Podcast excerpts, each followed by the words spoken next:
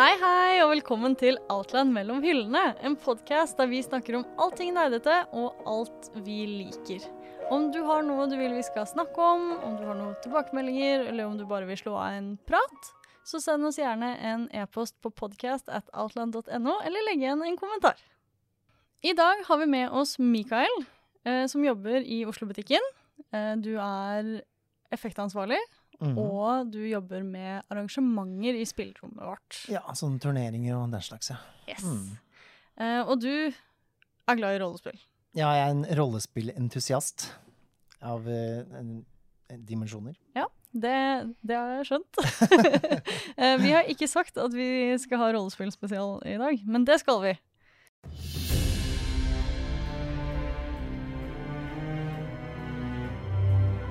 Vi skal ha rollespillspesial, Mm -hmm. uh, og da må vi ha med deg som er ekspert.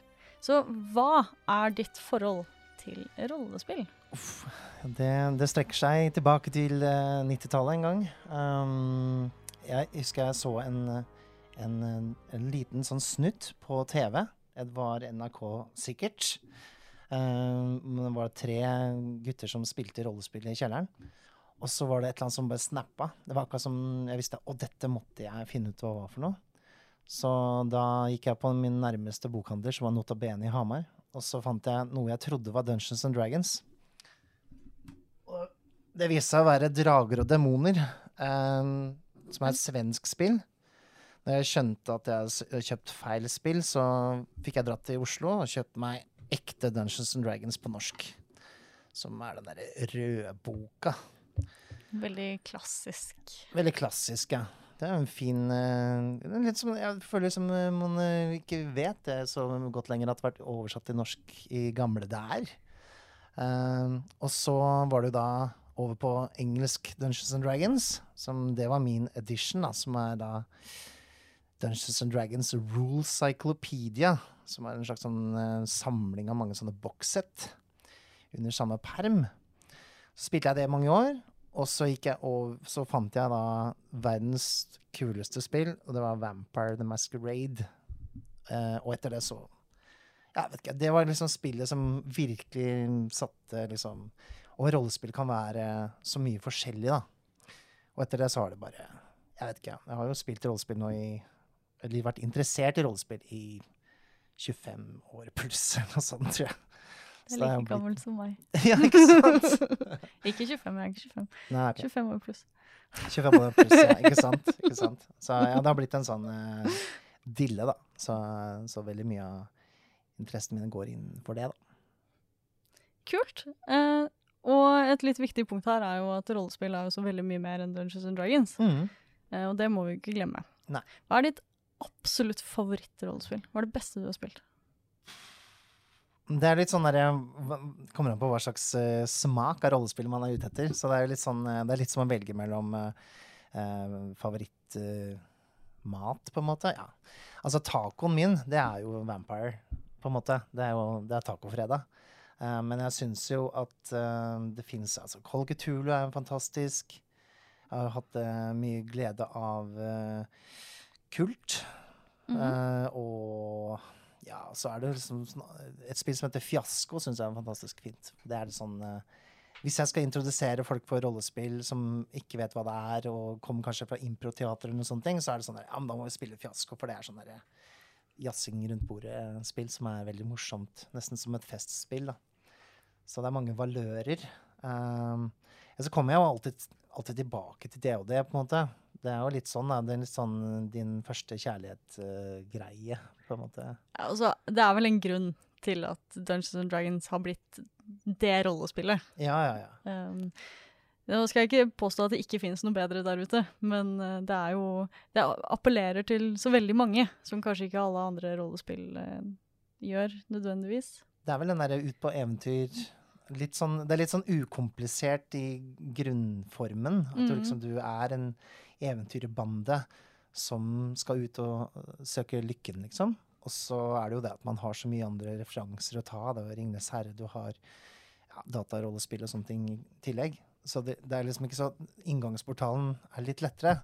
Hvis du skal be noen om å spille Vampire, sånn Har du sett Twilight? Ikke sant? Altså, Det blir kanskje ikke helt riktig, det det blir litt snevrere, ja. på en måte. Så, så det er jo liksom Det er derfor det og det er såpass uh, populært, tror jeg, da. Og så har det vært der lengst, da. Eh, jeg også følte jo veldig på den. Jeg er også veldig, veldig glad i Nå har jeg nesten bare spilt Dungeons and Dragons, faktisk. Eh, ikke så mye annet, men jeg har jo spilt World of Warcraft i veldig mange år. Ja, ja. Eh, så det meste for meg i Dungeons of Dragons er egentlig fra WoW. Ja, ja, det skjønner jeg. Eh, sånn, det, det ligner jo veldig mye, så det er en veldig fin måte å komme inn i det. At du har liksom mye knagger og sånn fra før av. Ikke sant? Og det Eh, var jo litt sånn at uh, på et tidspunkt da World of Warcraft kom ut, så var jo det den store fienden til, uh, til papirrollespill, rett og slett. Men uh, nå virker det som de lever i en slags sånn perfekt harmoni, for øyeblikket i hvert fall. Ja. Jo, de siste årene har jo rollesplitt, rollesplitt faktisk, rollespill, blitt uh, veldig, veldig populært. Mm. Uh, det har jo gått litt i bølger. Det har ikke vært, oh, ja. vært så populært som det er nå. Mm. Um, kan kanskje skyldes mye Critical Role, tror jeg har mye skylda her. Stranger Things tror jeg har veldig mye skylda Mm. for dette. Uh, og så tror jeg den nyeste utgaven av Dungeons, Dungeons and Dragons, eh, femte utgaven, Mm. er veldig Du kan gjøre så mye hva du vil med den. Mm. Mm. Så jeg tror jeg hvis du bare har lyst, lyst til å rollespille, så kan du det. Hvis du Mm. har lyst til å kjøre hardcore, heavy combat med mye matte og min-maksing, så kan du gjøre det. Mm. Um, så det liksom appellerer litt til alle, da. Ja, så har det jo ja. Critical Role har jo virkelig åpnet opp en, den muligheten. Altså, man ser at rollespill kan være mer i improteater, da. Eller sånn man kan leve ut en rolle i større grad. Um, og det finnes jo andre streamere også. Jeg tror ikke man skal bare gi Critical Role ene og alene skylda, på en måte. Men det er jo mange andre streamingkanaler eller YouTube-kanaler som også har slengt seg på den bølgen der, da. Um, som inspirerer da, til, til å spille. Så og som du sier, det og det kan være komplisert hvis du virkelig vil det. Eller så kan det være kaste en 20 terning en gang i halvtimen, på en måte. Hvis Ja. du vil det. Det blir veldig hva man, hva man gjør det til. Mm. Kan jeg få stille et spørsmål til dere begge? Ja. Ja. Hva er deres favoritt-depiction av rollespill i media? Du nevnte Stranger Things, men har dere en plass dere Community. Jeg regner med community, for deg? Community. Community var ganske bra. Selv om Så, det så det virka ikke som en verdens beste rollespillsession, akkurat eh, den eh, greia der, men den andre gangen de spiller i Community, ikke første gangen, ah, Men andre gangen så spiller de med eh, far og sønn som krangler. Så de deler opp partyet. Eh, og så sitter de det, det var helt fantastisk. Til å bare sett jeg- første. Tror det er i siste sesongen, sesong seks, at de har eh, At de spiller det på nytt. Og det var også kjempebra. OK, Ja. kult. Så jeg tror det må være community. Altså, jeg liker ikke Big, Bang, Big Bang Theory, men jeg syns jo faktisk at den julesessionen de hadde en gang, da jeg tilfeldigvis uh, klikka innom uh, Big Bang Theory, var litt sånn funny, og ikke så Ikke så langt unna som Det kunne vært mindre troverdig, da, på Ja. en måte. Så, Den tror jeg ikke jeg har sett. Uh, den verste er i Riverdale. Når de spiller Gargoyles and Griffins. Og alle driver og drikker cyanid. ah, Ja, Det er den verste OK, Ja. jeg skjønt. som jeg har sett. Nei, ikke sett. Nei, ikke se det heller. Nei, jeg skal ikke gjøre det. Takk. Jeg har mye hat overfor akkurat uh, Ja. Griffins and Gargoyles. Jeg har hørt at Rivendale er litt sånn komplisert uh, å være fan av. Jeg er veldig glad i første sesong, og så begynner de å late som de spiller DND, og da blir det dårlig. Jeg skjønner. Eh, men vi skal jo leke en lek. Mm. Ja.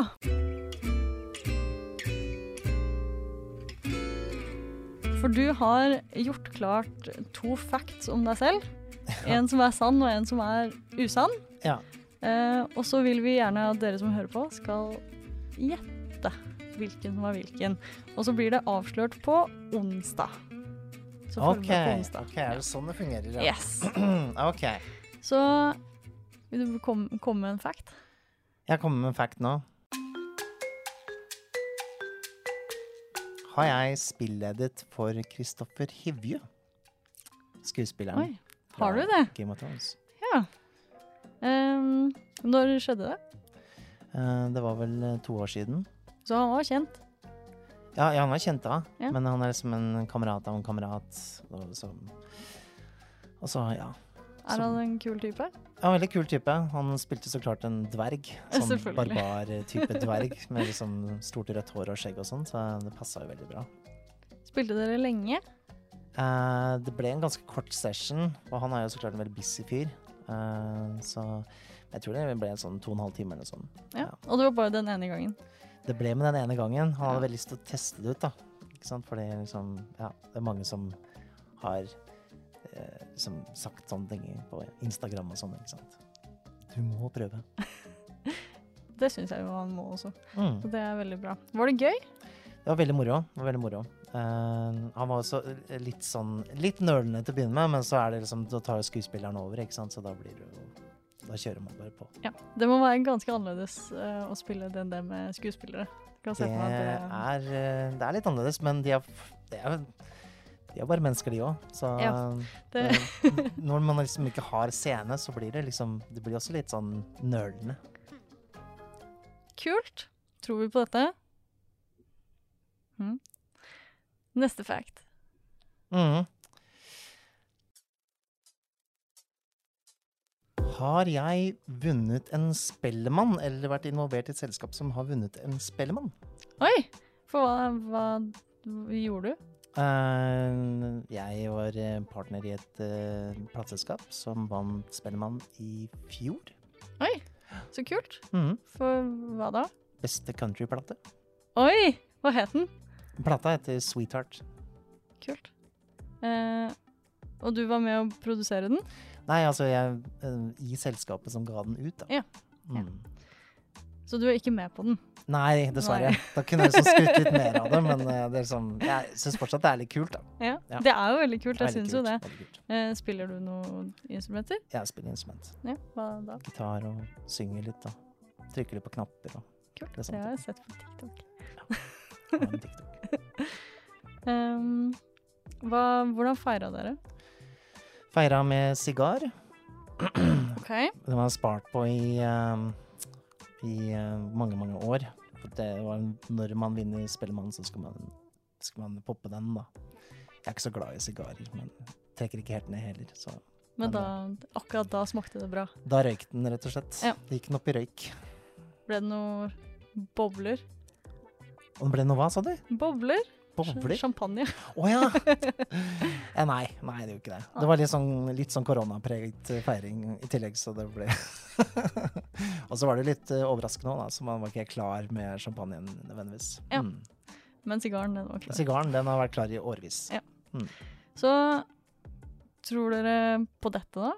Rollespill, Michael. Mikael. Har han vært med å gi ut en plate som har vunnet en Spellemann? Hm. Hvem vet? Hvem vet? Du vet, jeg. håper jeg. Ja, jeg vet. Men dere får også vite det på onsdag.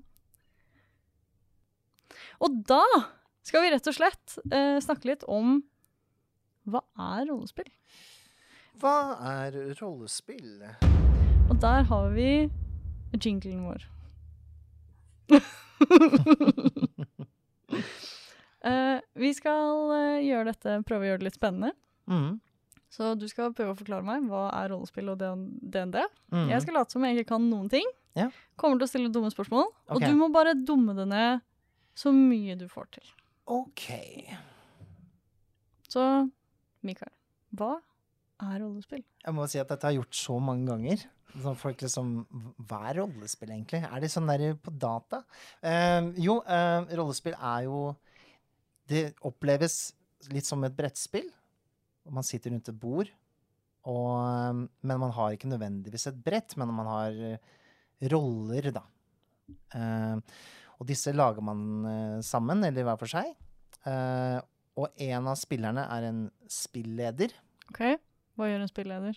En spilleder er på en måte en som vet um, en, en Som forteller spillerne eller rollene hva de ser og møter på i verden. Så det er på en måte en eh, slags regissør, men eh, heller en eh, hva skal jeg si, en fasilitator, hvis, i mangel av et eh, riktig ord. Eh, en som vet på en måte hvis spillerne går og gjør dette, så kan dette skje. Som har en liten plan, da. Men de går jo og gjør ingenting, for de sitter jo rundt bordet. Det er sant. Men i dette spillet her så skal man si hva rollen gjør, og så skal man spille som rollen. Man skal snakke litt som rollen om man vil det, og så skal man prate litt med hverandre. Man har en diskusjon da rundt bordet, og da gjerne har man noe i historien som eh, spiller seg ut som, som gjør at man kanskje kan ta valg, da, som ja, man skal redde en prinsesse, eller man skal eh, beseire en, eh, orkene i fjellet. Hva er en ork? En, en ork er et Det er et monster, på en måte, da. En sånn, en, litt sånn en, litt sånn fæling, rett og slett. Mm. Ja, en kjiping. En kjiping. Ja. Hva er disse rollene for noe? Jeg skjønte ikke helt det. Rollene er eh, Det er eh, Ja, det er roller akkurat som i et skuespill. Um, og de består gjerne av litt sånn informasjon som eh, hvor sterk man er, hvor smart man er, uh, og den slags. Og det spiller jo litt inn på reglene i spillet. Og reglene er noe vi ofte avgjør med terninger. Sånn at for eksempel hvis La oss si man uh, bruker en vanlig terning, da. Hva er en vanlig terning? Eller en sekssidig terning, sånn som man har i yatzy, for eksempel. Ok, Hva er yatzy? Nei, da Mhm. har man uh, La oss si du er veldig sterk, da. Så sier jeg at ja, men da klarer du å bryte opp den døren hvis du kaster én til fem. Så du klarer det bare ikke på seks, for eksempel. Men en svak eh, person ville kanskje bare klart det på én til tre. Så hvor sterk eller svak du er, vil avgjøre hvor stor prosentsjanse eller hvor stor sannsynlighet det er at du får til ting, da. Innenfor det. Um, så Og så kaster man terninger litt for å finne ut om man klarer ting, eller hvordan det går videre. Og mye rollespill avhenger av terningkast for å gjøre det litt mer sånn mindre, hva skal jeg si, forutsigbart, da. Så det er jo der man må improvisere litt, da. Og det er okay. spennende å se hvor historien går hen. Hvordan blir det bestemt hvor historien går hen? Det er jo et slags sånn samarbeid mellom spillerne og spillederen. Spillederen bestemmer for så vidt som, hvordan verden reagerer på hva rollene gjør, eller spillerne gjør. Mens, øh, mens spillerne bestemmer Oi. Beklager. Men spiller, spillerne bestemmer hva rollene foretar seg. Da. Så um, det er derfor jeg mener at spillederen er litt sånn regissør på en måte at man på en måte må tenke litt dramaturgi og litt uh, ha litt sånne ting som kan, kan skje. da. For eksempel notat. Hvis du går inn i den skogen der, så blir, over, så blir det overfalt av orker, for eksempel. Vi nå vet hva er. Som vi nå vet hva er. For det er sånne stygginger og fælinger. Mhm. Ja, man går inn i skogen og blir overfalt av fælinger. Det er en sjanse for det, i hvert fall. Ikke gå inn i skogen. Nei. Hold deg unna skogen.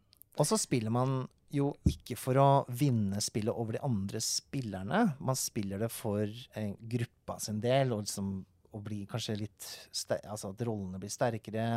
Historien er viktigere enn en måte, det å vinne i seg selv, da. Man prøver å unngå at rollene dør, for så vidt. Uh, Kan man dø? Ja, rollene kan dø, ikke spillerne. Det kommer an på Hvis du tråkker på en D4, så kan det hende at du blør kraftig. De gjør det i Ri- Riverdale. Det gjør det. uh, så man spiller um, litt annerledes sånn sett, da. Um, man kan jo si at den som er spilleder, på en måte er liksom den man skal beseire, men det er jo ikke det. Man, som spilleder skal man være fan av, av spillerne og rollene, og prøve å liksom lage dette til en episk fortelling som à la Ringenes herre eller eh, Game of Thrones, ikke sant.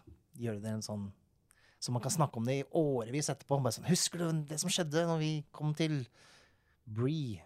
Vi mangler jo et annet fantasy-navn. Sånn type ting. han er for god på det her. Jeg har gjort det så mange ganger. Jeg har gjort det altfor mange ganger. Jeg syns nesten du er ikke dum nok.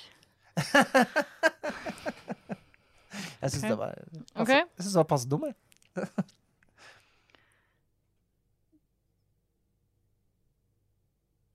Og så får man, jeg har det ikke i meg.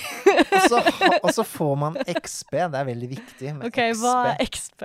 Experience points. Ja, det hjelper ingenting. Nei, det er sånn erfaringspoeng. Det hjelper fortsatt norsk. ingenting. Det er poeng man får for å klare kule ting, og de poengene kan man bruke til å ikke sant? Husker du at uh, du var Hvis du ikke var så sterk, da, så kanskje du kan bruke noen poeng til å bli sterkere. ikke sant? For da har du liksom trent litt og blitt litt Du har fått erfaring. Og sånn sett så blir rollene forandret litt over tid. De får nye evner. Du Ok, okay, Hva slags evner? ja, Det kan være for eksempel hvis du er magiker, så kanskje du lærer deg en ny Hva er en magiker? Det er en sånn trollmann eller en sånn person som kan magi. da. Du vet hva magi er? Så vidt. Så Jeg vet hva magi er. Så lærer du deg en ny besvergelse eller en ny, ny spell. OK, så hva er en spell? En spell er for eksempel en, at du kan, eh, du kan eh, eh, liksom, Hvis det er helt mørkt, så kan du si abrakadabra, og så blir det lys. Veldig praktisk. Veldig praktisk. Det er en sånn veldig enkel spill. da. Hvordan gjør de det? De, enten så sier de noen ord, eller så bruker de en komponenter, f.eks. noen sånn harelabber, og så gnir de sammen, eller så bruker de fingrene sine, og så Nå skjer det ting. Eller så vifter de med sånn stav. Akkurat som en, en magiker. Akkurat som, et, akkurat som en magiker, som Davido, for eksempel. Eller, eller ja. Ja. Mm. Og, og sånn sett så er det liksom litt gøy å se rollene bli bedre, da. Ikke sant? Over tid. Litt sånn som i datarollespill. Ja. Rett og slett. Mm.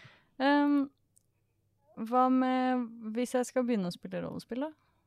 Ja, da har man jo en del valg. Eh, man har jo masse sånne starter-sett som har kommet Det har blitt veldig populært de siste åra. Ok, Hva er en startersett? Et starter-sett er en, gjerne i en boks, hvor man får med et regelhefte. Man får med noen eventyr som spillederen kan kjøre. Får gjerne med noen terninger.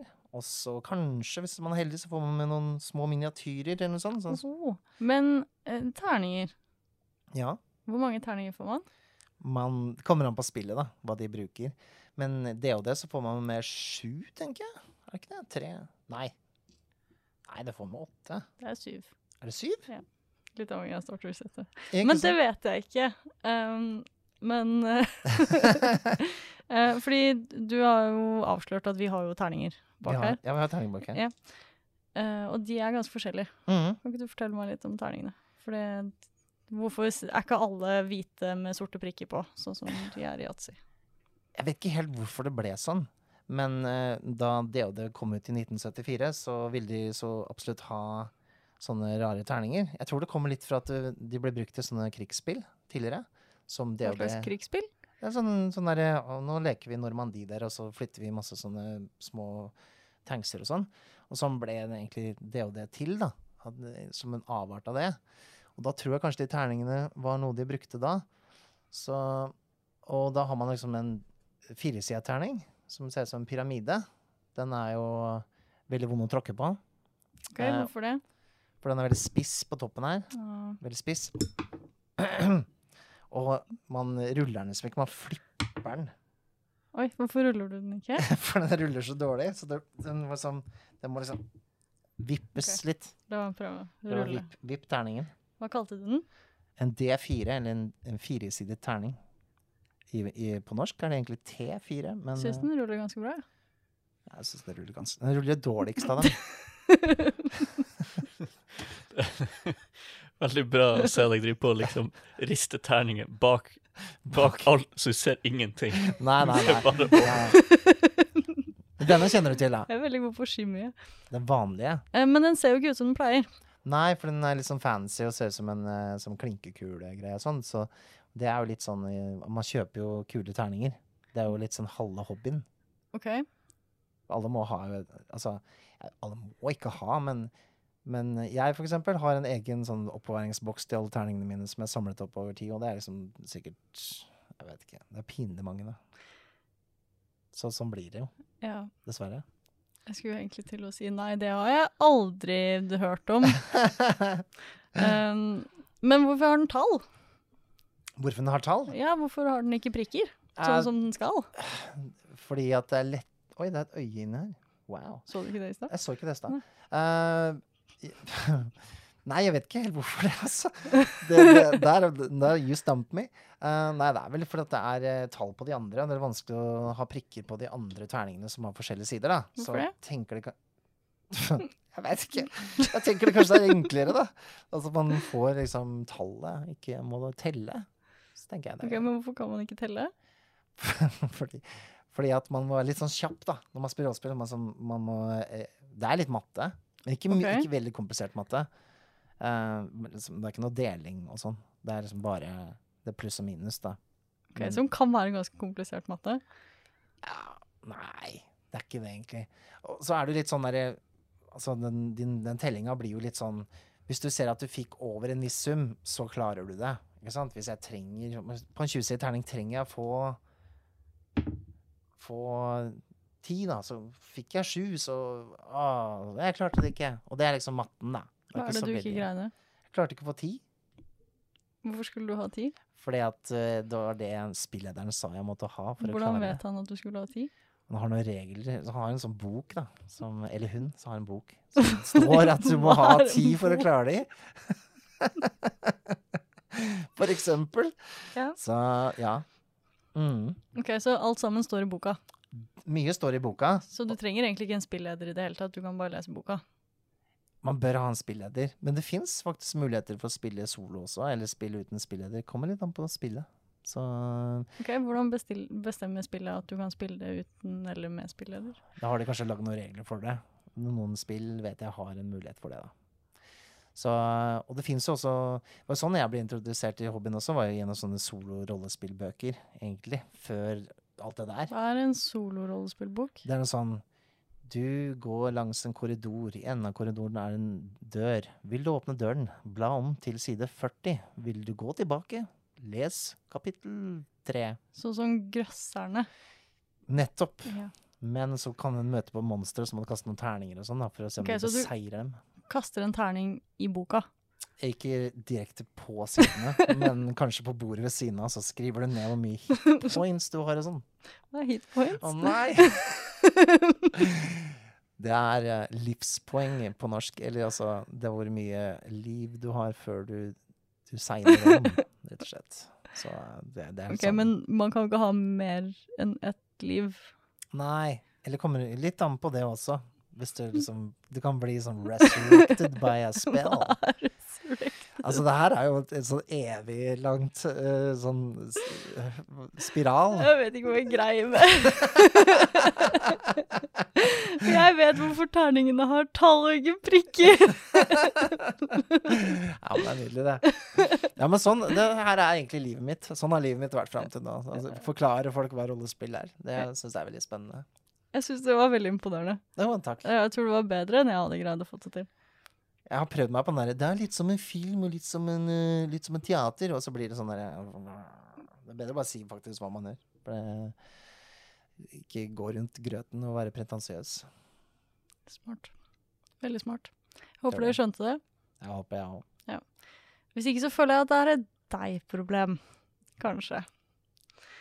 Og nå som vi vet hva et rollespill er, Ja. så tenkte jeg at vi skal faktisk prøve å spille litt. Gøy. Så jeg har gjort klar en, et bitte, bitte, bitte lite eventyr. Starten på et lite eventyr. Så jeg har tatt med meg en gjest. gjest. -hmm. En eh, hemmelig gjest. Som aldri har spilt rollespill før. Oh. Uh, han vet ikke hva han kommer for å gjøre. Han har ikke fått noe annet enn at han skal være med uh, på et eller annet på podkast i dag. Spennende. Da er vi klare for eventyr, da.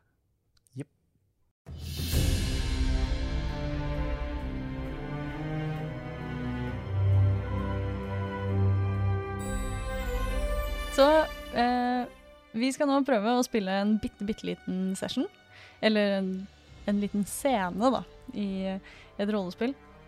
Veldig forenkla. Eh, og til det så har vi tatt med oss Dennis, som jobber på oppakking i Oslo-butikken vår. Og um, har du noe forhold til eh, rollespill fra før av? Eh, aldri prøvd før. Første gang. Veldig spennende. Det blir veldig bra. Og så har vi jo også fortsatt med eh, Mikael, som har spilt masse rollespill. Jeg har spilt masse rollespill. Ja. Så det blir en spennende blanding her. Og så har vi Stefan som ser på, og bare skal judge fra sidelinja. Så da tenkte jeg at eh, vi skal starte med å fikse karakterer til dere. Dere må jo ha noen å rollespille. Eh, så jeg har en liten liste her, så skal dere få lov til å rulle om hva det blir. Så først skal vi rulle på rase. Og da er det en D4. Skal du begynne, kanskje? Eh, ja Da får du mest options. Veldig bra. Da får du en human, så du er helt Yay! vanlig standardmenneske. hey, hey. Du må si hva han ruller. Kan- se. Hva, si hva resultatet blir. Oh, ja. Du skal få lov til å få si hva du rulla. Hva rulla jeg egentlig? Jeg rulla en treer. Eh, og en treer er en human. Nice. Og Jeg rulla en treer, jeg også. en treer, da er dere veldig klassisk human party. Yes! Team Human. Eh, og så må dere ha en class. Og da skal dere få rulle en D6. Nå kjører vi veldig, eh, veldig basert på Dungeons and Dragons her, for det er det jeg kan best.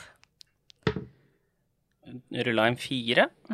Da er du en bard. Er du kjent med bards fra før av? Eh, Lite grann. Eh, de er jo kjent for å være horny bards. Er jo, ja. Men man må ikke være det. Man bør være glad i å fortelle historier eller synge eller danse eller spille et instrument eller et, et eller annet. De er ofte svært karismatiske. Det var kjedelig hvis jeg ble bard, jeg òg, nå. Skal vi se. Å, jeg ble, fikk seks, jeg. Da skal du få velge, faktisk. Uh, Eh, så du kan velge om du vil være en cleric, en rogue, en wizard, en bard eller en fighter. rogue. Alltid rogue. Eh, en rogue er da litt som en tyv. En klassisk tyv. Kjeltring. Eh, og så har jeg, for å hjelpe dere på å komme litt inn i denne karakteren Vanligvis når man spiller, så har man jo gjerne funnet en karakter på forhånd og gitt den litt personlighet og sånn. Men det skal jeg hjelpe dere med. Eh, så dere skal få lov til å rulle en D6 på noe som beskriver utseendet for karakteren. Rullet en toer. Du er nå elegant. Elegant bard. Liker det. En bra kombo. Elegant eh, rogue. Skal jeg rulle en gang til? Du kan få rulle en gang okay. til. Så jeg får to nå, så er det meant to be, da. Fem. Fem, du er stygg. Det, det kan jeg leve med. Det kan jeg leve med. Ja. Din ene beskrivelse er at du er en stygg rogue. Stygg rogue. Ja. Eh, og så har vi også satt opp noen eh, forslag på eh, personlighet. Aha. Så vil jeg igjen ha en D6. En firer. Du er eh, kaldhjerta. Ja. Kaldhjerta elegant, si. Og jeg er en sekser. Ja, da kan du få velge igjen. Og Du kan få være flåsete, paranoid, godtroende, kaldhjerta eller sta. en sta, stygg rogue, tenker jeg høres bra ut. Det høres veldig, veldig bra ut.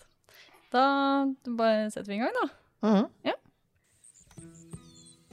Dere kommer tilbake til en liten landsby etter å ha vært på eventyr i lang, lang tid. Dere er slitne og sultne og klar for å bare sove og ta en øl på nærmeste bar. Um, dere kommer da til inn i den ene baren, den heter Melk og honning, eh, og kommer inn i et stort rom fullt av masse andre mennesker som sitter og snakker og har det kult. Det er musikk som kommer fra en fyr som sitter og spiller lyre i det ene hjørnet. Det er eh, ild på peisen. Og det lukter stuing med nybakt brød.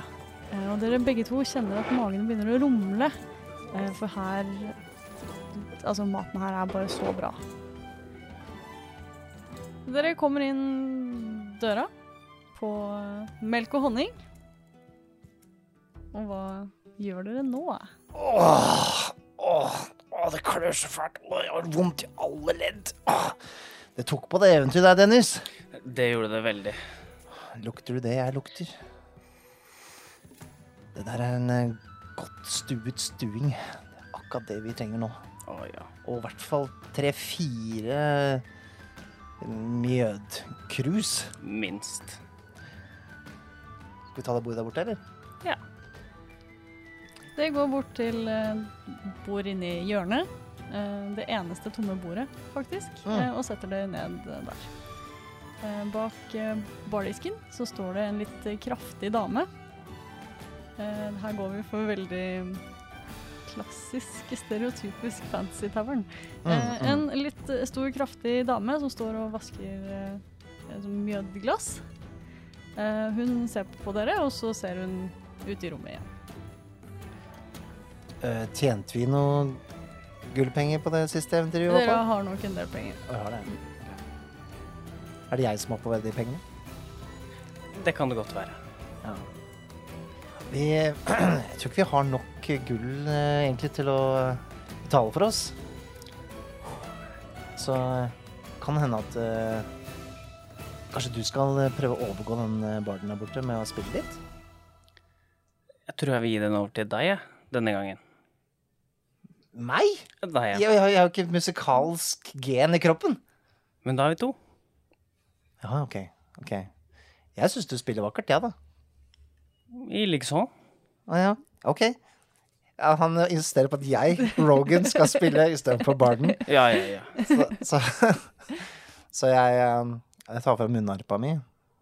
Tenker at um, vi har jo penger, men jeg har egentlig bare lyst til å ha dem for meg selv. Og jeg da eh, Men eh, jeg ser jo nå at jeg har malt meg sjøl opp et hjørne. Så eh, tenker jeg på å prøve, da. Spille en munnharpe for eh, den i nærheten. Ja. går du opp til han som sitter og spiller lyre, eller vil du bare starte en trall ved der du sitter? Jeg tenker jeg steller meg opp på bordet, og så prøver å få med de rundt, og så spille veldig hardt på den munnharpa for å få oppmerksomheten og liksom eh, Og så tar jeg tar jeg med lua liksom til å, å slenge oppi noen grunker, da. Ja. Eh, det er ikke sånn at du får eh, Dennis til å gå rundt med hatten og Jo, jo, det fikser vi. Dette fikser vi. Du har jo sjarmen, og jeg er stygg, så, så sånn sett så Ja. tenker jeg at det er best at du går rundt og henter inn Ja, penger. ja. Dette fikser vi. Da vil jeg gjerne at du kaster for å se hvor bra du spiller, rett og slett. Oh, 15? Det Ganske, ganske innafor. Det er ikke så verst. Eh, men det virker som om folka rundt er litt skeptiske. De er litt sånn Hvem er du som kommer her og prøver å ta over uh, musikken i vår bar?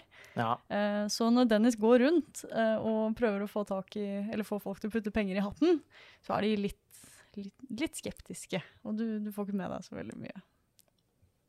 Nei, det var det forsøket. Ja ja, men det er vel kanskje nok til, eh, til kveldens festligheter, eller? Jeg har akkurat greid å få en Kanskje ikke til fire mjød hver, men eh, i hvert fall to. Bring it on, eller? Bring it on. Ja, Så jeg regner med at en av dere går opp til baren. Du får sikkert bedre pris enn meg på mitt heslige utseende. Ja. Ja. Ja. Så du sprader opp til bardisken. Sprudler over. Eh, så elegant som du bare greier å få det. Eh, og um, hun som står bak bardisken, hun snur seg mot deg, og så ser du på henne at hun blir litt sånn Å, for en elegant type som kommer gående der. Her du fortsetter å um, Hun fortsetter å vaske glass, um, mens hun snur seg mot deg. Og ja, hva skal, hva skal det være i dag, da? Jeg Skulle gjerne tatt eh, to stuer og fire mjød. Ja, stuinga er bra. I dag er sykt bra, så det er, det er bare å glede seg. Og har helt eh, fersk kanin fra bak i skogen her. Oh, nydelig. Veldig bra. Det blir eh, ti sølvmynter. Kunne vi gjort åtte? Du kan kaste en D20 for meg.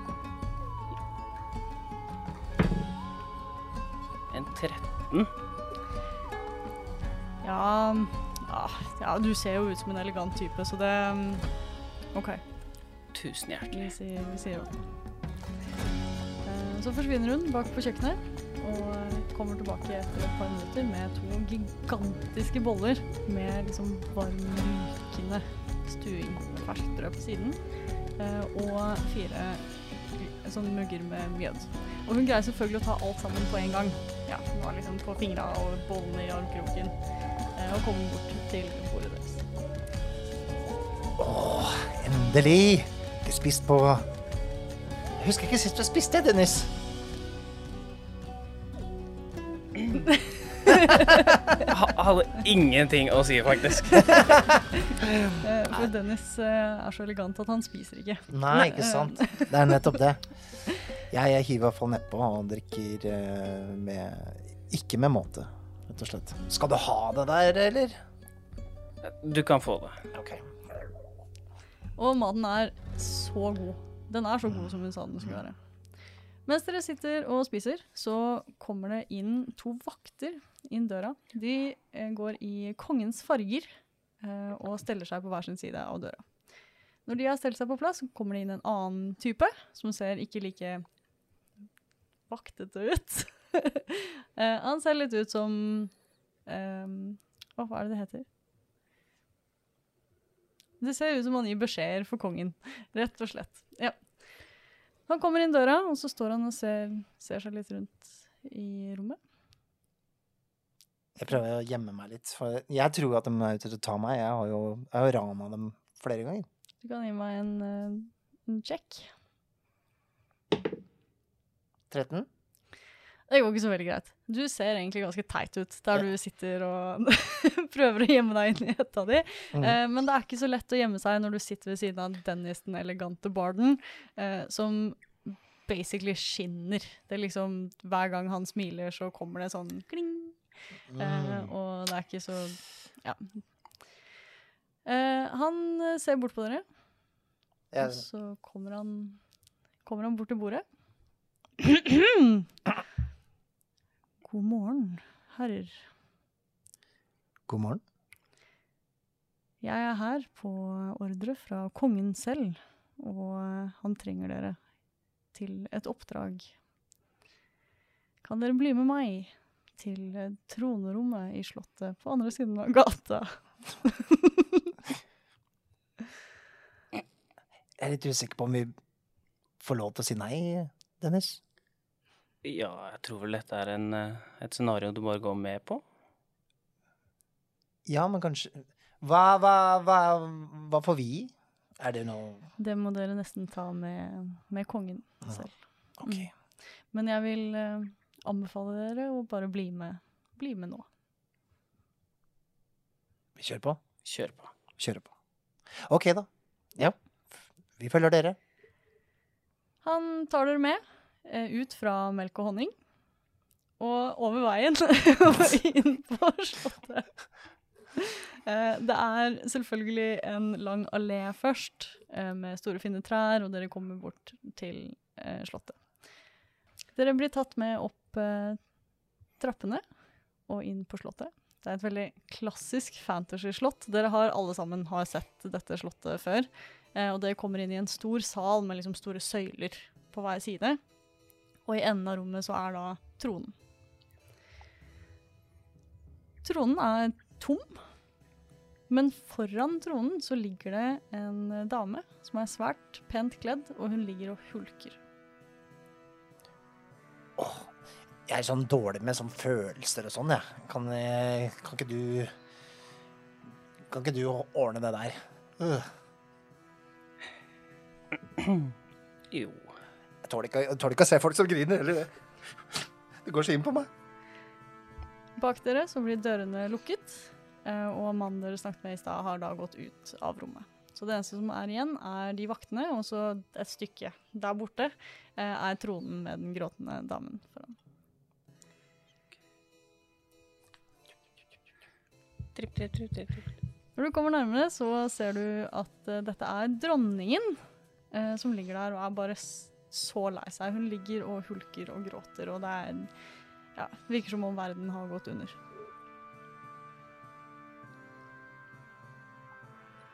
Jeg- må bare ha en god, god start på, mm -hmm. på setningen her. Ja, åpningsreplikken. Ja. Ja, jeg tror ikke du skal, du skal ikke sjekke henne opp, da. Er du sikker? Ja, altså, ja, det er litt sånn dårlig. Hun gråter, liksom. Ja, men altså, scenario Du er er jo her nå, er kind of.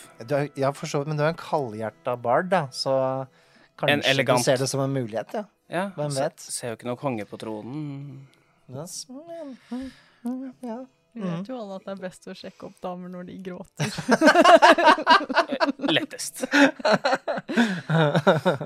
Jeg ser på ting på veggen hvis det er noe dyrebart der. Og du, du gjør det? Ja, ja, ja. ja du håndterer dette her. Det er ikke noen som har noen sånn uh, tips til åpningsreplikk her for å få det i gang uh, scenario? er det noe? Jeg kan starte den for deg hvis du vil. Ja. Ja. Ve veldig gjerne. Ehm, når du kommer Jeg regner med at du kommer helt opp til henne.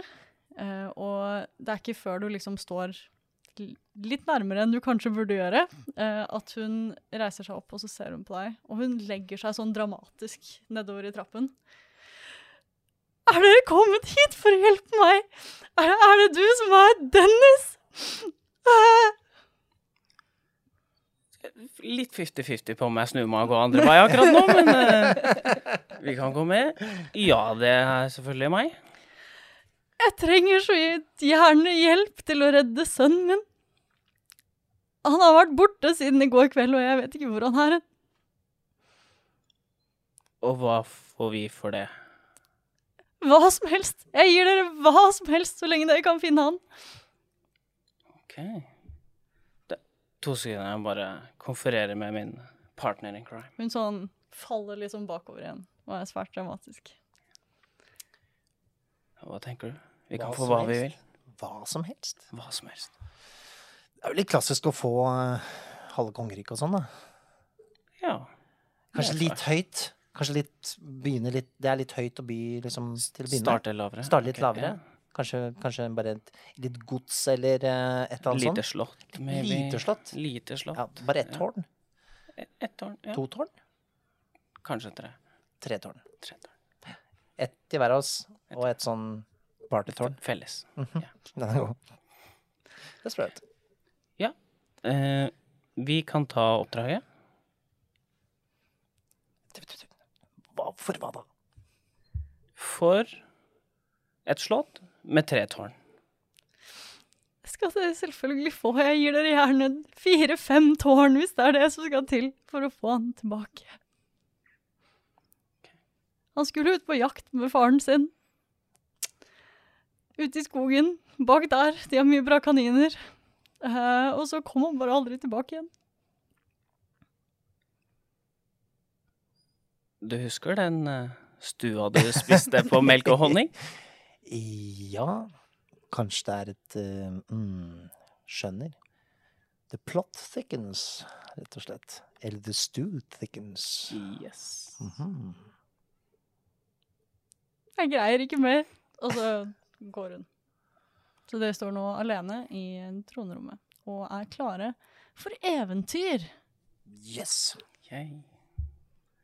Og da trasker vi ut i solnedgangen, og så Ut i skauen, tenker jeg. cliffhanger.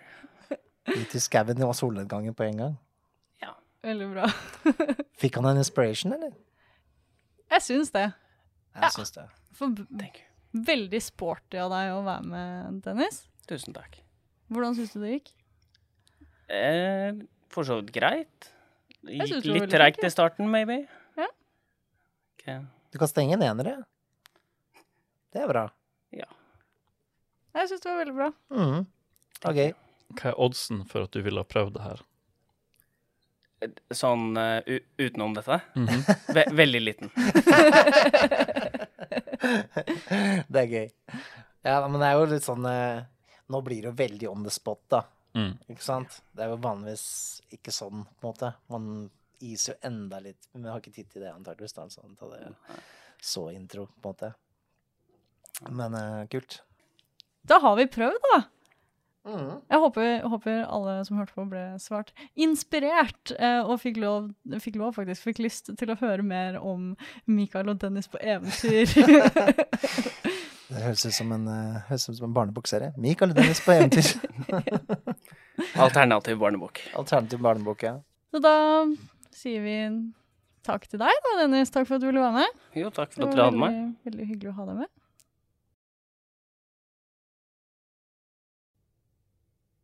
Det var gøy. Det var moro. Ja, det var artig å få med Dennis også. Mm. Ja. Så takk igjen til Dennis som var her. Jeg syns du gjorde en veldig god jobb, ja. Ja. Til å være dratt inn i det. Helt enig.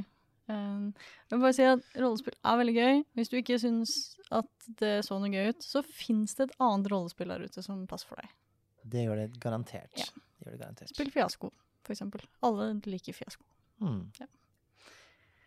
Um, og da tenkte jeg at vi skulle gå inn på et litt eh, spennende tema. For dessverre er, eh, har rollespill blitt sett litt ned på Mm. eh, ganske lenge. Blir nok fortsatt det av mange. Eh, det er mye fordommer der ute. Så jeg tenkte rett og slett at vi skulle se på litt fordommer. Mm. Og da tenker jeg at jeg skal være kjip, negativ og fordomsfull, Ja. og du skal få lov til å være positiv. Det er jeg veldig god på. Være positiv. Det er veldig bra. Det, det, dette ordner seg. Skal vi se. Jeg må bare på forhånd si at jeg elsker jo å spille Dungeons and Dragons, så dette kommer til å gjøre litt vondt, men jeg skal gjøre mitt beste. Ja.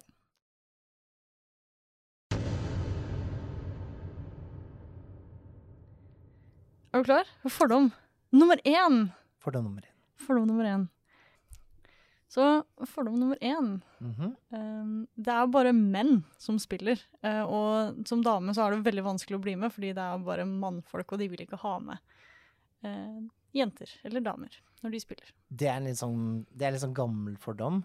Det har kanskje vært litt sånn en gang i tiden, men vet du hva, etter uh, de siste ja, si kanskje 10-20 årene faktisk, så har det jo eksplodert i antall kvinner som spiller. Eller av alle på en måte mm, legninger og, og, og kjønn. Så, så, så det er en litt sånn gammel eh, fordom som, som ikke lenger er sann.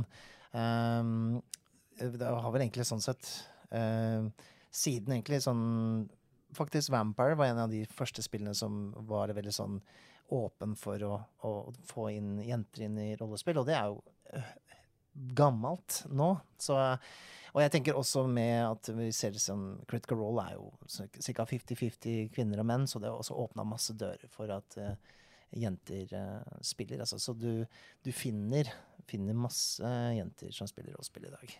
Men jeg føler jo at alle jeg ser og hører om som mm. spiller Dungeons and Dragons, de er jo menn. Og når jeg går rundt i rollespillavdelingen på Outland, så er det bare menn. Men det er kanskje vel så mange som spiller. Altså det er jo det, det er kanskje det man ser, er at det er kanskje mange, mange menn som kjøper masse rollespill og er liksom veldig på det. Men jeg tror det er eh, vel så mange spillere som, eh, som menn, altså. Så, så jeg tror nok blir litt sånn skeivt. Fordi det er jo også, må jo tenke på at folk bestiller jo Det er jo ikke alle som kjøper på Outlander. så, så det er jo eh, Jeg tror også mange som blir introdusert til rollespill eh, gjennom kanskje å være spiller, blir spilledere senere og kjøper bøker og sånne ting. Så jeg tror, eh, jeg tror ikke vi skal ta det som målestokk sånn sett. Jeg tror vi, vi ser på en ganske bra fordeling nå i forhold til hva det har vært i, i gamle der, rett og slett. Tror du det fortsatt er mange eh, damer som ikke vil spille DND nettopp fordi det er så mannsdominerende? Selv om det ikke er like ille nå, kanskje, men at det har, har den fordommen, da. Det, det kan så være. Jeg vet at det har vært eh, satt i gang litt sånn eh, Iallfall tidligere så har vi hatt noe som heter Jentekon, som er et eget kon for jenter å måtte komme inn eh, i rollespill på den måten. Eh, som har vært et sånn initiativ fra jenter selv. Og så har vi også hatt på Arkon så har vi hatt sånn GM-kurs for jenter, eller de som ikke eh, anser seg selv som cis-males, da, rett og slett. Um, så, så det du har jo hatt eh, en veldig bevegelse for å få inn jenter mer som gamer, da. Det er kanskje der kanskje som, som kanskje det er litt Det er flere mannlige DM-er, kanskje. For det, som, det kanskje tiltrekker kanskje mer litt den derre Mannlige genet, jeg vet ikke. men, eh, men eh, det er vel så mange kvinnelige spillere, da. Jeg tror jeg aldri har jeg så å si nesten aldri spilt i en, en 100 eh, guttegruppe, for eksempel, når jeg har spilt rollespill. Jeg har alltid vært blanda. Men det er meg personlig, da, så jeg vet ikke. Er det nå jeg skal si at mine to DND-grupper, så er den ene fire og fem jenter, og den andre så har vi fem og fem jenter, så Ja, ja, ja, ikke sant. Ja. Ja. Nei, men det er litt, det er jo en sånn ting som man Altså, man kanskje føler litt på sånn imposter syndrome. Altså man liksom Det er jo Til å være et spill, da, så kan det virke litt komplisert og sånne ting. Og det er litt sånn Det er litt høy buy-in. Men uh, jeg tenker at her er jo en sånn ting som Det er ikke noen fordel å være mann, det er ikke noen fordel å være kvinne. Det er som sånn Det, er, det her er veldig sånn Det er en flat åpen, eh, åpen spill sånn sett, da. Så, så jeg, jeg i hvert fall, eh, hvis noen går rundt med de fordommene, så skal du bare ta dem, og så skal du tråkke på de fordommene veldig sånn hardt, og så skal du spille med hvem du vil, tenker jeg.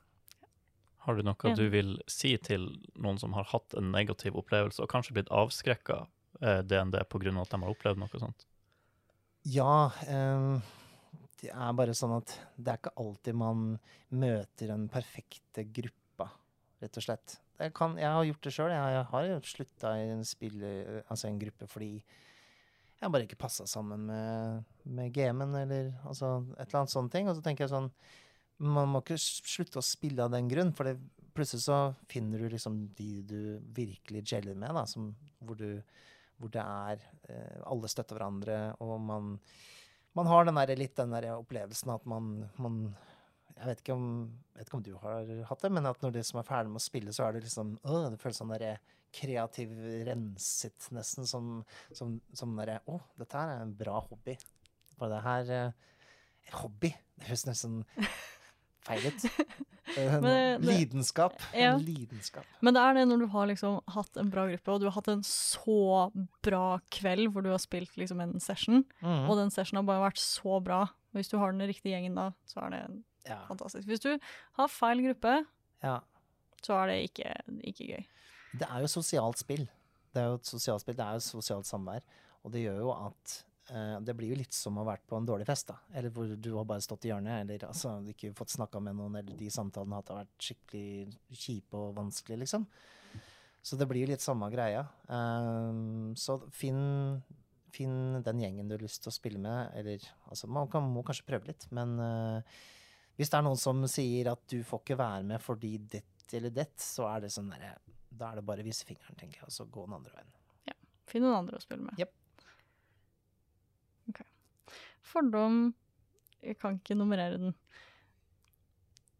Eh, neste fordom Mhm. eh, er eh, en som Jeg har fått høre veldig mye av folk jeg kjenner også, som ikke Mm. har noe forhold til eh, rollespill, mm. som er at man har hørt så mye skrekkhistorier om eh, f- folk som blir basically mishandla når man spiller. Um, at uh, da DM-en din Mm. er litt for frempå med visse ting, Mm. um, og ikke gir seg når man burde gi seg. Snakker du nå i fiksjonen, eller faktisk eh, fysisk? In- game, så In game, ja. mens man spiller. Men eh, så er det jo også at når man spiller rollespill, så er man ofte veldig, veldig inn i det. Mm. Så selv om det bare er liksom muntlig over bordet, så kan det føles veldig, veldig, veldig ekte. Ja. Der er det jo Der har vi heldigvis de siste åra fått verktøy til å kunne håndtere slike situasjoner på, før de skjer, da. Så da har man jo sånne safety forms, forms, for eksempel, som man kan eh, eh, Jeg har jo lagd det sjøl digitalt, som hvis jeg har spilt digitalt, så har jeg delt ut eh, over nettet som eh, anon anonymisert. Så eksempel hvis man har triggere, eller hvor langt man ønsker at ting skal gå i fiksjonen, ikke sant. Det er noen som kan være komfortable med ting som er superdrøyt, men siden det ofte ikke spilles med folk du kjenner så godt, så er det veldig viktig å vite at liksom, ok, her går grensene til de, de forskjellige. Og hvis det er en, da en, en DM eller GM eller spilleder, hva du kaller det, som trår over de grensene, så er det jo på en måte Da forlater man det spillet. Um, Men er det så lett? For jeg føler ofte at DM-en blir satt i en veldig autoritær stilling. Mm. Da er det jo på en måte Det er jo det viktige, da, at man, eh, man faktisk eh, Det er, har jeg egentlig ikke noe råd annet enn at det er på en måte Hvis du har allerede satt noen grenser, så må du også selv på en måte eh, sørge for at, at du reagerer òg, da. Eh, man har også sånne X-cards, som det heter. Som at hvis ting går for langt, så kan man ta, plukke opp et kort og se som si nå må vi fade ut den scenen, eller gjøre et eller annet sånne ting. Um, eller hvis det er noe som trigger meg, så gjør jeg det samme. Um, utenom det så er det sånn Det vil alltid være drittsekker, på en måte.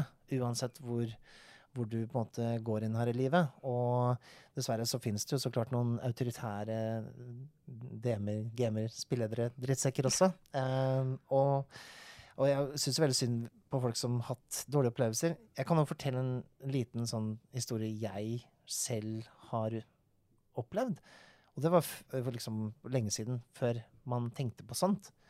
Um, da spilte vi faktisk Vampire, og um, jeg burde tenkt på det, for hun ene som var med, hun er veldig sånn hypersensitiv.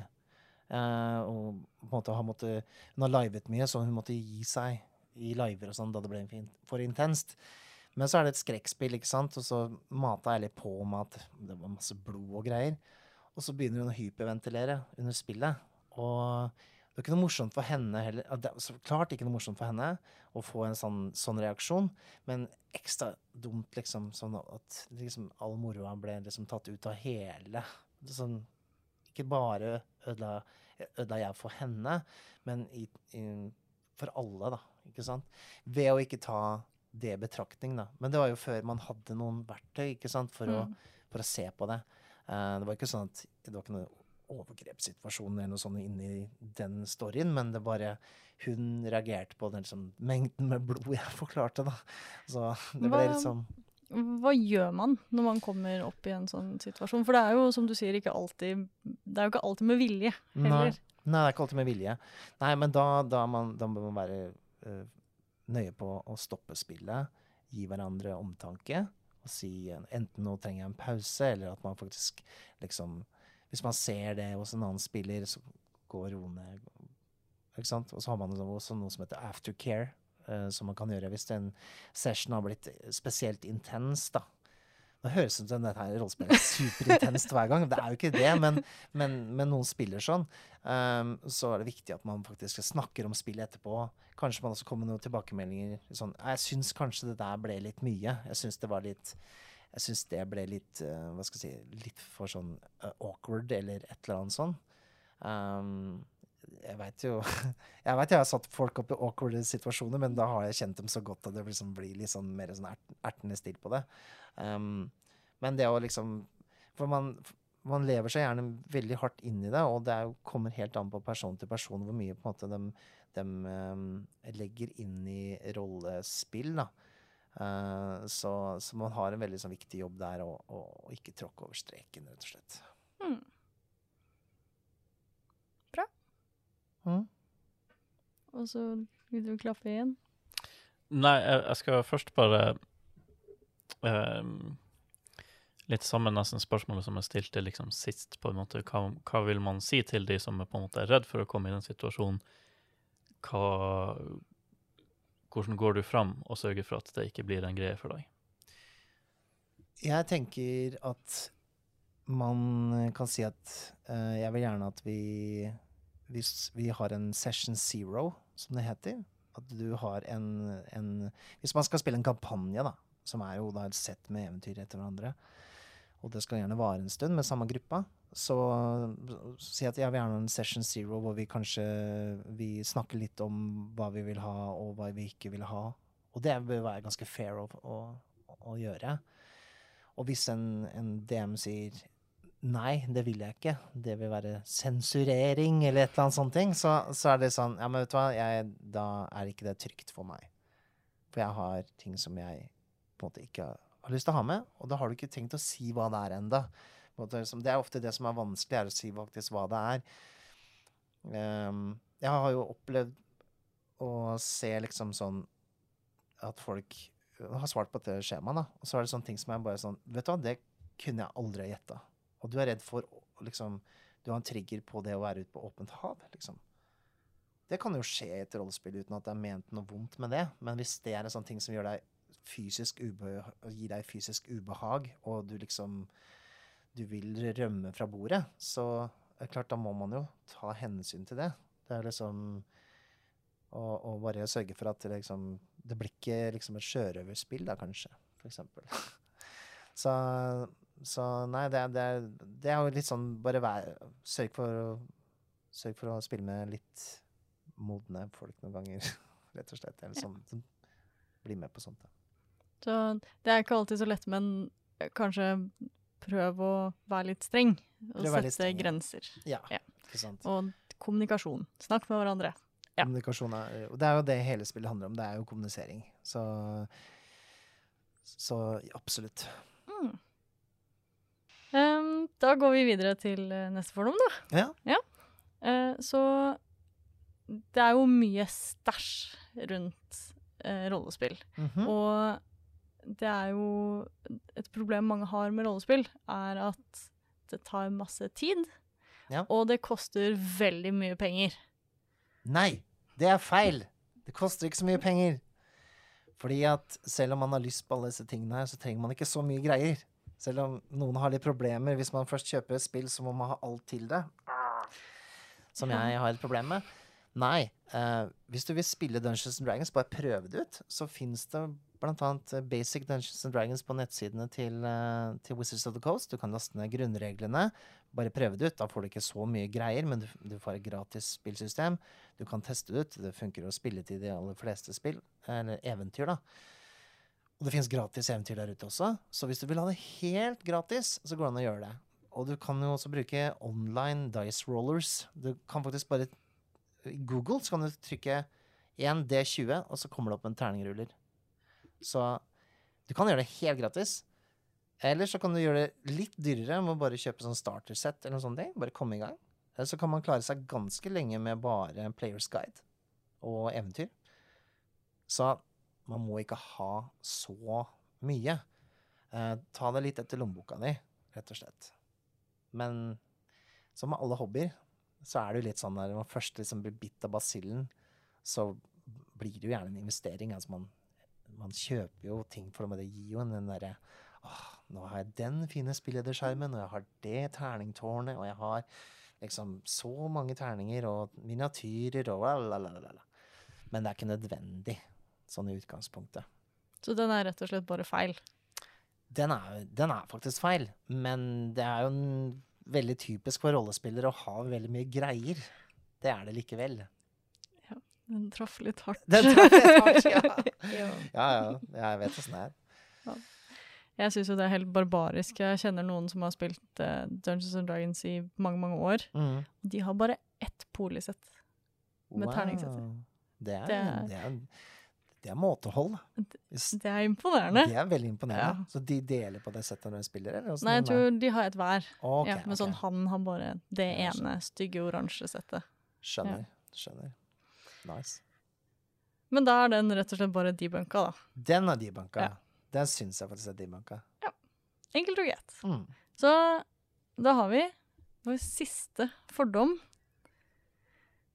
uh, som er Det er bare svette nerder som spiller rollespill. Det er bare folk som sitter nede i kjellere og bor hjemme og er bare superkleine og cringy, som spiller rollespill. Nei! det er ikke sant! Nei, det er ikke sant. Alle Der fins Bare se på oss. Se på oss. Vi er, vi er ikke svette eller nerder. holdt jeg på å si. Nei, men eh, nei, det, det er kommer jo alle samfunnslag, dette her. Ehm, det er jo kommet fram eh, sånne kjendiser da, som spiller rollespill. Men jeg syns ikke det i seg sjøl er så imponerende. Ehm, men eh, jeg vet om politikere, jeg vet om skuespillere, jeg vet om, uh, om politimenn, jeg vet om uh, Altså, det, du får det overalt. Alle som er interessert i liksom det å lage en historie, som er interessert i litteratur i utgangspunktet. Altså historieopptatte mennesker, da. De vil tiltrekkes rollespill. Um, og nå er det jo litt sånn Jeg mener, gamle rollespill sånn, På sitt aller verste så var det litt sånn som tekniske manualer. Ikke sant? Med sånn 100 sider med tabeller for hver, hvert våpen, eksempel. Og det var jo Da ble det litt sånn eh, Da vil jeg si rollespill var på sitt mest nerdete, i den forstand at du kan kalle bilmekanikere nerdete. Eller sånn Mhm. den greia der. Men i dag så er rollespill veldig sånn mye Det er veldig forenkla, det er veldig strømlinjeforma. Det er mye lettere å komme inn, uh, og det har også åpna dørene for at veldig mange forskjellige mennesker spiller rollespill, da. Synes jeg det virker som, i hvert fall. Så Nei, der, er- der finner du alle samfunnslag, altså, rett og slett. Hvis du har lyst til å begynne å spille Dungeons and Dragons, mm. eller et annet rollespill, da, mm. eh, men de eneste du vet om som spiller dette, er svette, kleine nerder. Mhm. Hva gjør man da? Da har man jo ikke, Med mindre man har lyst da, til å spille med svette nerder, som er helt fair. Ja. Jeg skal ikke si noen ting. Eh, men hvis man ikke vil det, Mhm. hvis det er litt frastøtende Altså, det er jo um, Ja, jeg, jeg syns det er litt sånn eh, Jeg har alltid vært litt sånn at jeg har bare fått med meg venner, jeg. Så folk som ikke har spilt rollespill, så gjør jeg litt sånn når jeg forklarer hva rollespill er, og hvorfor det kan appellere til dem. Og så får jeg dem med til å prøve det. Og sånn for, Som oftest så syns de det er såpass kult at de vil fortsette med det, da. Eh, så det der med at man må finne andre nødvendigvis som spiller rollespill alltid, det er litt sånn Ja, det er alltid fint å finne likesinnede på den måten, men folk kan bli likesinnede ved å introdusere dem til det. Altså, hvis du har en liten vennegjeng som du gjør noe helt annet med, kanskje skal prøve rollespill, da. For det er liksom OK, nå prøver vi noe annet. Alle er nye til det. Det er litt kleint i starten. Men man finner kanskje ut om dette er noe for oss, da, rett og slett. Um, altså, vi har jo også, Nettet er veldig fint å finne likesinnede. Vi har uh, en veldig stor nettside som heter rollespill.info. Eller ikke nettside, men Facebook-gruppe. Der er det jo noen tusen medlemmer, og sammen med Dungeons and Dragons Norge, hvis man skal lete etter folk. Så, så det er bare bare hive seg på. Og så har vi Adventures League da, her på Outland, blant annet, hvor man kan eh, dukke opp, og så kan man eh, bli med på rollespill. På en litt sånn eh, nybegynnervennlig vis. Ja. Så alle spiller rollespill. Alle spiller rollespill. Ja. Men det gjør vi jo faktisk. Vi gjør jo det. Alle Ja. har jo spilt rollespill. Vi har jo lekt cowboy og røvere, eller altså eh, Altså cowboy og røvere, det var kanskje Men uansett, da. Eh, man har lekt roller som barn. Altså det å ta fram i den som, dette her som voksen er jo på en måte en litt sånn der komme hjem igjen for veldig mange. Tenker jeg. Mhm. Så konklusjonen er alle sammen burde spille rollespill. Punktum. Da ville vi hatt verdensfred. Mm. Ja. Man kunne kriget Så- i DOD istedenfor. Mikael løste nettopp alle verdens problemer. Og Ville kurert kreft også, føler Ja, du? ja, faktisk. Ja. Veldig bra. Ja, kjempebra. Mm. Mange debunka fordommer der. Ja, mange debunka fordommer. Og før vi eh, sier oss ferdig mm. i dag, så tenkte jeg at vi skulle eh, snakke litt om hva vi leser eller spiller akkurat nå. Mm.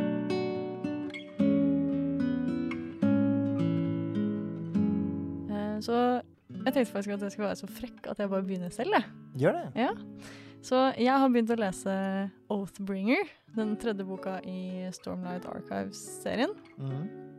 av Brandon Sanderson. Um, den er veldig tjukk. Det er en chonky bok. Mm. Jeg, har, jeg hører den på lydbok og har nå 55 timer foran meg med Stormlight Archive. Uh, den er ganske sånn klassisk, klassisk fantasy. Kult magisystem. Den er original selv om den er klassisk, på en måte. Men den er for alle som liker, som liker fantasy, rett og slett. Har du lest Stormlight? Nei, men jeg har fått han anbefalt Ja. uh, veldig mye, og spesielt den Stormlight Archive, så Men så så jeg at han var involvert i uh, Wheel of Time, og da tenker jeg sånn åh, shit, han lager sikkert uh, lange bøker. ja, Stormlight skal vel bli ti bøker, tror jeg. okay. Og alle sammen er jo sånn. Hvor langt har han kommet?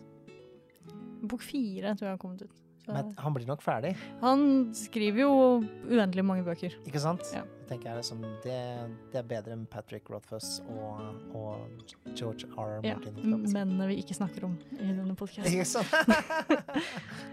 Eh, men eh, det er en veldig kul eh, fantasybok. mm. Da jeg leste volum én, så var jeg litt skeptisk, og så likte jeg den mer og mer. Volum mm. to var veldig bra, og så har jeg hatt en pause. Men volum tre nå, foreløpig, veldig bra. Veldig lovende volum tre. Så håper jeg den holder seg sånn. Det var det sikkert. tenker jeg.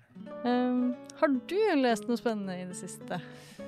Altså, jeg leser jo Altså, jeg skulle ønske jeg leste mer romaner.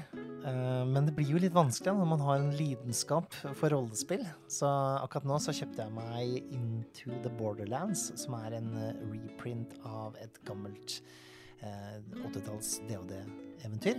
eh, som er sånn, gjort i en sånn praktutgave med ja, det er vel så, så tjukk eller noe sånt. Wow. Eh, Hvor det følger med liksom to sånne klassiske eventyr. da. Eh, og det er jo eh, litt så morsomt å lese i, da. Spesielt fordi ting har forandra seg litt med tida. Så eh, før i tida så kunne man møte en barbar, en goblin og en uh, water elemental i samme korridor. Sånn litt sånn herre Hvorfor er dere her? Hvorfor er dere alle sammen her? Hvorfor, hører dere, hvorfor er dere her? Uh, så det er jo litt morsomt å lese sånn litt sånn gamle greier på den måten, da. Har du planer om å spille den, eller er det bare en Ja, sånn jeg har, jeg har tenkt å få til å lage en sånn old school session, bare for å som eh, Hvor man ikke har lov til å ha mobiltelefoner, kun lov til å ha med seg kalkulator, og, og liksom eh, Det skal være ordentlig nedpå. Kanskje kassettspiller med, med musikk fra metal fra 80-tallet, da, som eh, i bakgrunnen. Bare for å kjøre full pakke. Det høres ut som veldig bra stemning. Det, det, det syns jeg også. Så du, men du vil anbefale den? Ja, altså jeg vil anbefale til folk som er interessert i å se hvor DOD kommer fra. Eh, for det er jo en DOD 5th edition conversion inn der også, av disse gamle eventyrene. Dette er Goodman Games sine Hva skal jeg si sånne eh, Ja, vi har en del av dem, da. Eh, Det var kommet fem volum eller noe sånt, tror jeg det. Så de er veldig kule. Eh, Du kan da lese hvordan det først var, og da en ny tolkning av det til 5th edition, da, som gjør det kanskje litt lettere å kjøre enn disse gamle versjonene. Da. Kult. Det høres veldig kult ut. Da har du noe du vil dele med folket? Er det plaggeting jeg gjør, eller? Mm. Er det noe, skal jeg sånn plaggeting? Sånn, Det er lov å my ting, Plagg. Ja, eh, jeg kan jo si at jeg har jo da en, to podcaster selv. Så jeg har da sammen med min gode venn Nikolai Krokshusstrøm, så har vi noe som heter Vertshuset. Så vi gjør litt sånn som det her, da. Vi prater litt om rollespill og forskjellige ting rundt det. Og så har vi en actual play-podkast som heter Vertshuset spiller, hvor vi faktisk spiller rollespill, da. Og så Ja, det er vel det jeg har å plugge som er relevant, tenker jeg. Så sjekk ut det, i hvert fall. Ja, Gjør det. Gjør det. um, da tror jeg egentlig vi sier oss ferdige. Og så sier jeg bare tusen takk for at du ble med. Tusen takk for at jeg fikk lov til å være med. Veldig gøy å ha deg med. Veldig gøy å være her. Så håper jeg at dere der hjemme også ble veldig inspirert til å spille med rollespill. Og jeg vil gjerne vite det, om du vil spille rollespill eller ikke, om du spiller det allerede. Så send oss gjerne en mail på podcast at outland.no, eller legg igjen en kommentar, og så ses vi om en uke. Ha det!